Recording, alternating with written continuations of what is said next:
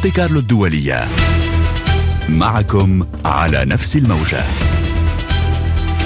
الرابعة صباحا بتوقيت العاصمة الفرنسية.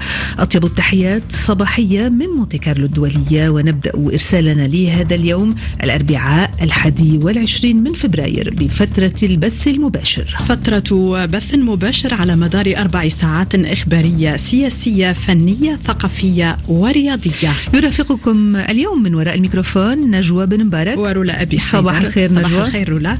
وسيتناوب سيتناوب اليوم في فترتنا الصباحية معك رولا على نشرات الأخبار نبيل شوفان. المواجيز توافينا بها لميس زين الدين أما القراءة في الصحف الفرنسية والعربية فستكون اليوم مع شيرين ناصر. على الهندسة والتقنيات أوليفي لوماريك وفي التنسيق سليم فريني. والآن مع أولى نشراتنا الإخبارية معك رولا أبي حيدر ونستهل النشرة بالعناوين. فيتو أمريكي ضد مشروع لوقف إطلاق النار في غزة والصين تعبر عن استيائها. فرنسا تدعو لتعزيز أمن جيشها ضد الهجمات الروسية الإلكترونية. والدة نافالني تطلب من بوتين تسليمها جثمان ابنها فورا. محكمة بريطانية تنظر في الطعن الأخير لأسانج ضد قرار تسليمه لواشنطن. مونتي كارلو الدولية نشرة الأخبار. التفاصيل وللمرة الثالثة منذ بداية الحرب استخدمت الولايات المتحدة حق النقض الفيتو ضد مشروع قرار قدمته الجزائر لمجلس الأمن يطالب بوقف فوري لإطلاق النار في غزة مع مواصلة إسرائيل قصف القطاع الذي يواجه وضعا إنسانيا كارثيا. من واشنطن علي بردة. الفيتو الذي استخدمته الولايات المتحدة في مجلس الأمن ضد مشروع جزائري للمطالبة بوقف فوري لإطلاق النار في غزة ضاعف الإحباط العربي والدولي من سياسة إدارة الرئيس جو بايدن حيال الحرب بين إسرائيل وحماس. تذرعت واشنطن بأن النص سيؤثر سلبا على المفاوضات الجارية لإطلاق جميع الرهائن. عرضت مشروع قرار بديل يدعو إلى وقف مؤقت لإطلاق النار عندما تسنح الفرصة عمليا. حظي مشروع القرار الجزائري بدعم 13 دولة فيما امتنعت بريطانيا عن التصويت. تداور المندوبون العرب وروسيا والصين وغيرهم على توجيه اللوم للجانب الأمريكي الذي لم يحدد موعدا للتصويت على مشروع قراره. كل هذه التصريحات عكست الدعم القوي من كل أنحاء العالم لإنهاء الحرب. علي برد واشنطن مونت كارلو الدولية. وكالة أنباء الصين الجديدة شينخوا ذكرت نقلا عن مندوب الصين الدائم لدى الأمم المتحدة تشونغ جون أن بكين عبرت عن استيائها وخيبة أملها الشديدة إزاء عرقلة الولايات المتحدة لمشروع القرار الذي يدعو إلى وقف فوري لإطلاق النار في غزة لأسباب إنسانية. وفي ظل جهود الوسطاء غير المثمرة حتى الآن للتوصل إلى هدنة يتوجه المبعوث الأمريكي للشرق الأوسط بريت ماكورك إلى المنطقة لبحث إطلاق سراح الرهائن الذين تحتجزهم حركة حماس في غزة زيارة تتزامن مع أخرى لإسماعيل هنية رئيس المكتب السياسي لحماس إلى القاهرة هجيرة بن عدة. مصر هي أول محطة في زيارة بريت ماكورك اليوم قبل التوجه إلى إسرائيل غدا الخميس. يعقد خلالها اجتماعات هي الأحدث ضمن مباحثات بين الولايات المتحدة ومصر وإسرائيل وقطر بهدف التوصل إلى إطلاق سراح أكثر من 100 رهينة تحتجزهم حركة حماس منذ هجوم السابع من أكتوبر تشرين الأول على إسرائيل. زيارة المسؤول الأمريكي تأتي أياما قليلة من تعهد رئيس الوزراء الإسرائيلي بنيامين نتنياهو بالمضي قدما في عملية برية في رفح على الرغم من الاحتجاج العالمي والتحذيرات من إدارة بايدن. وتتزامن الزيارة أيضا مع وجود رئيس المكتب السياسي لحركة حماس إسماعيل هنية على رأس وفد من قيادة الحركة منذ يوم أمس في القاهرة لإجراء محادثات مع المسؤولين المصريين حول الأوضاع في غزة في ظل الحرب الدائرة بين الحركة وإسرائيل وفق بيان لحماس. ووسط مفاوضات جارية لتأمين إطلاق سراح الرهائن قال رئيس الوزراء الإسرائيلي بنيامين نتنياهو ووزير المالية بتسلائيل سموتريتش إن الدولة العبرية لن تدفع أي ثمن لإعادة الرهائن المحتجزين في غزة. غزة حيث يتواصل القصف الإسرائيلي المكثف موقعا المزيد من القتلى والجرحى وحيث أثرت الحرب بشكل كارثي على كافة القطاعات لا سيما كافة القطاعات لا سيما قطاع التعليم كما ينقل من غزة وسام أبو زيد. تتكشف يوما بعد يوم الأضرار التي لحقت بكافة القطاعات الفلسطينية نتيجة الحرب وكان قطاع التعليم أكثر المتضررين لتدمير مئات المدارس فيما أصبحت أخرى ملاذا لآلاف النازحين. ولم يتبقى في غزة سوى جامعة واحدة بعد تدمير خمس جامعات وإلحاق خسائر مادية قدرت بأكثر من 200 مليون دولار. وراح ضحية الحرب 98 شخصا من مدراء وعمداء وأساتذة جامعات ويحملون شهادات عليا. أرقام يرى فيها فتحي صباح الإعلامي في غزة أن هدفها تجهيل الفلسطينيين. هذا يعني سياسة تجهيل وهي سياسة ليست جديدة بالمناسبة هي سياسة جديدة قديمة لدى الاحتلال الإسرائيلي. التي تعمد إلى تجهيل الشعب الفلسطيني. وما يرجح فرضية التجهيل أن الحرب حرمت 88 ألف طالب وطالبة من تلقي تعليمهم الدراسي الجامعي وتعذر على 550 طالب آخر الالتحاق بجامعات في الخارج وهو ما جرى مع محمد صبحي أحد طلاب جامعة الأقصى المدمرة بغزة. أنا دمرت جامعتي وتدمر مستقبلي وقاعد بفكر إني أسافر برا عشان أقدر أكمل تعليمي.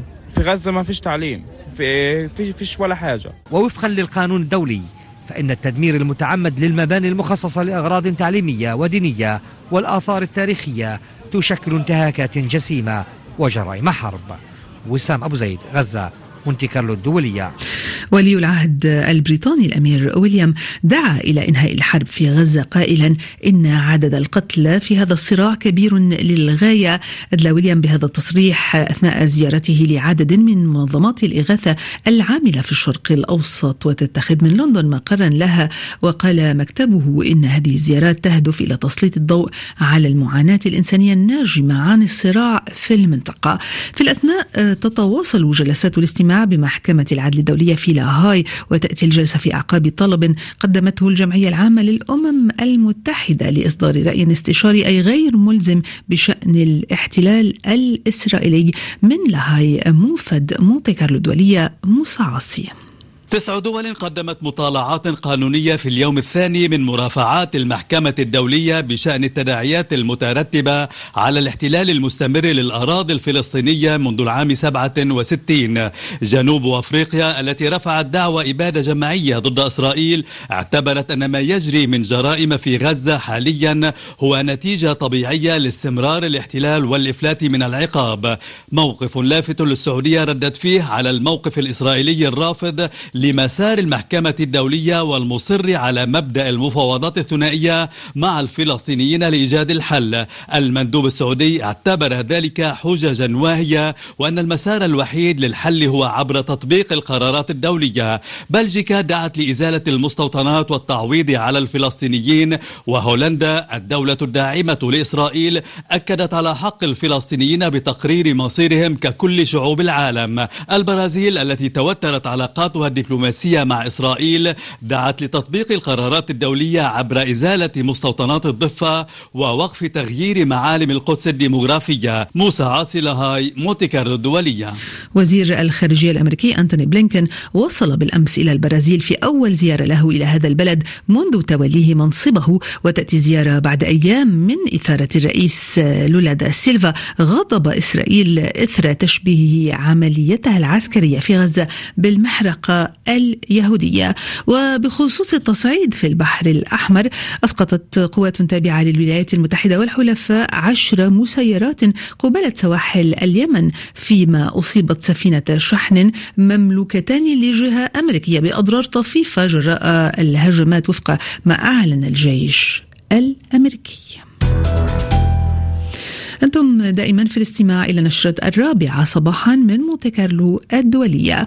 هنا في فرنسا حذر وزير وزير الجيوش الفرنسي سيباستيان لو كورنو من خطر الهجمات الإلكترونية الروسية على الوزارة مشيرا إلى أن موسكو تشن عمليات تدخل هجين ضد فرنسا وشركائها. لميس زين الدين. تهديدات روسية تتمثل بالتخريب والهجمات الإلكترونية. قال وزير الجيوش الفرنسي سيباستيان لوكورنو إنها تستهدف وزارته في المقام الأول. لوكورنو قال إن موسكو تنفذ عمليات تدخل هجينة ضد فرنسا وشركائها منذ الغزو الروسي لأوكرانيا مشيرا إلى أن توقيع اتفاقية أمنية بين فرنسا وأوكرانيا يخاطر بدفع روسيا إلى تشديد هذه العمليات لزيادة نفوذها وتشويه سمعة البلاد وإضعاف اللحمة الوطنية. لوكورنو دعا إلى اتخاذ تدابير للحد من نقاط الضعف في مواجهة ما وصفها بالأعمال التخريبية لافتا إلى أن التوعية يجب أن تستهدف المؤسسات العامة والمشغلين ذوي الأهمية الحيوية ومقدمي الخدمات الذين يعملون مع وزارة القوات المسلحة ويمكن أن يشكلوا أهدافا لروسيا ولا سيما شبكة الصناعات الدفاعية. ويذكر أن فرنسا كانت قد كشفت هذا الشهر وجود شبكة منظمة من المواقع التي تنشر الدعاية الروسية في أوروبا والولايات المتحدة. الرئاسة الإيطالية لمجموعة السبع أعلنت عقد اجتماع عبر الفيديو لقادتها يوم السبت مخصص آه، لأوكرانيا. يفترض أن يتقرر خلاله تشديد العقوبات المفروضة على روسيا. إلى ذلك اعتبر الكرملين الاتهامات التي وجهتها أرملة المعارض الروسي نافالني للرئيس بوتين باطلة وفض فيما حضت والدته آه، سيد الكرملين على تسليمها جثة ابنها الذي توفي قبل خمسة أيام في سجن في المنطقة القطبية الشمالية نجوى أبو الحسن. دعني أرى ابني أخيرا. أطالب بتسليم جثمان أليكسي فورا كي أتمكن من دفنه بطريقة إنسانية.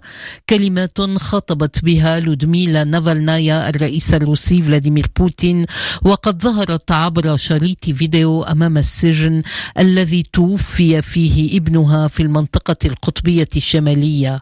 أرملة أليكسي يوليا طالبت أيضا برفاته لكن السلطات الروسية رفضت حتى الآن ما اعتبر مسعى للتستر على جريمة وهي اتهامات رفضها الكرملين. أرملة نافالني التي تقيم خارج روسيا منذ عامين تعهدت بمواصلة النضال. لقد مات بطلا غير آبه بالخوف والموت قال بدوره صديق نافالني إليا إلياشين وقد تعهد من سجنه بمحاربة الطغيان فيما استمر عشرات الروس بوضع باقات الزهور على مزار مزار في موسكو تكريما لنافالني رغم توقيف أكثر من 400 شخص في ظروف مماثلة خلال الأيام الأخيرة. وزارة الخارجية الفرنسية طالبت بفتح تحقيق مستقل ومعمق بوفاة نافالني محملة السلطات الروسية المسؤولية الكاملة عنها.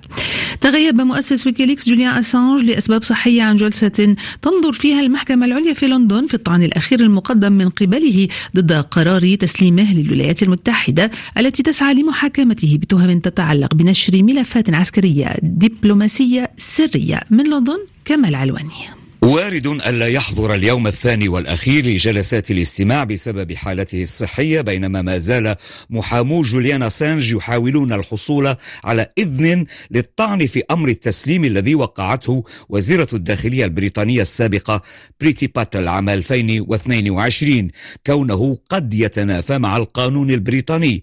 مجادلين بأن طلب النيابة الأمريكية ينطوي على دوافع سياسية. كما أن دفاع جوليان أسانج يعول على إفراغ التهم الموجهة إلى موكله على اعتبار أنه يحاكم بتهمة المشاركة في ممارسة صحفية عادية تمثلت في حصوله على معلومات سرية ونشرها. لكن يجري بوحي من الجانب الأمريكي الحديث عن بدائل لإنهاء القضية كتسليم أسانج إلى أستراليا بلده الأصلي ليقضي هناك عقوبة السجن بدل تسليمه إلى القضاء الأمريكي حيث كما قيل ينتظره مستقبل مجهول. كمال علواني لندن مونتي كارلو الدولية. وكانت زوجة أسانج قد ذكرت أنه سيطلب من المحكمة الأوروبية لحقوق الإنسان تعليق تسليمه مؤقتا في حال لزم الأمر محذرة من أنه سيواجه خطر الموت في حال سلم للولايات المتحدة. بهذا الخبر نصل إلى ختام النشرة. عودة لتذكير بأبرز ما جاء فيها من عناوين.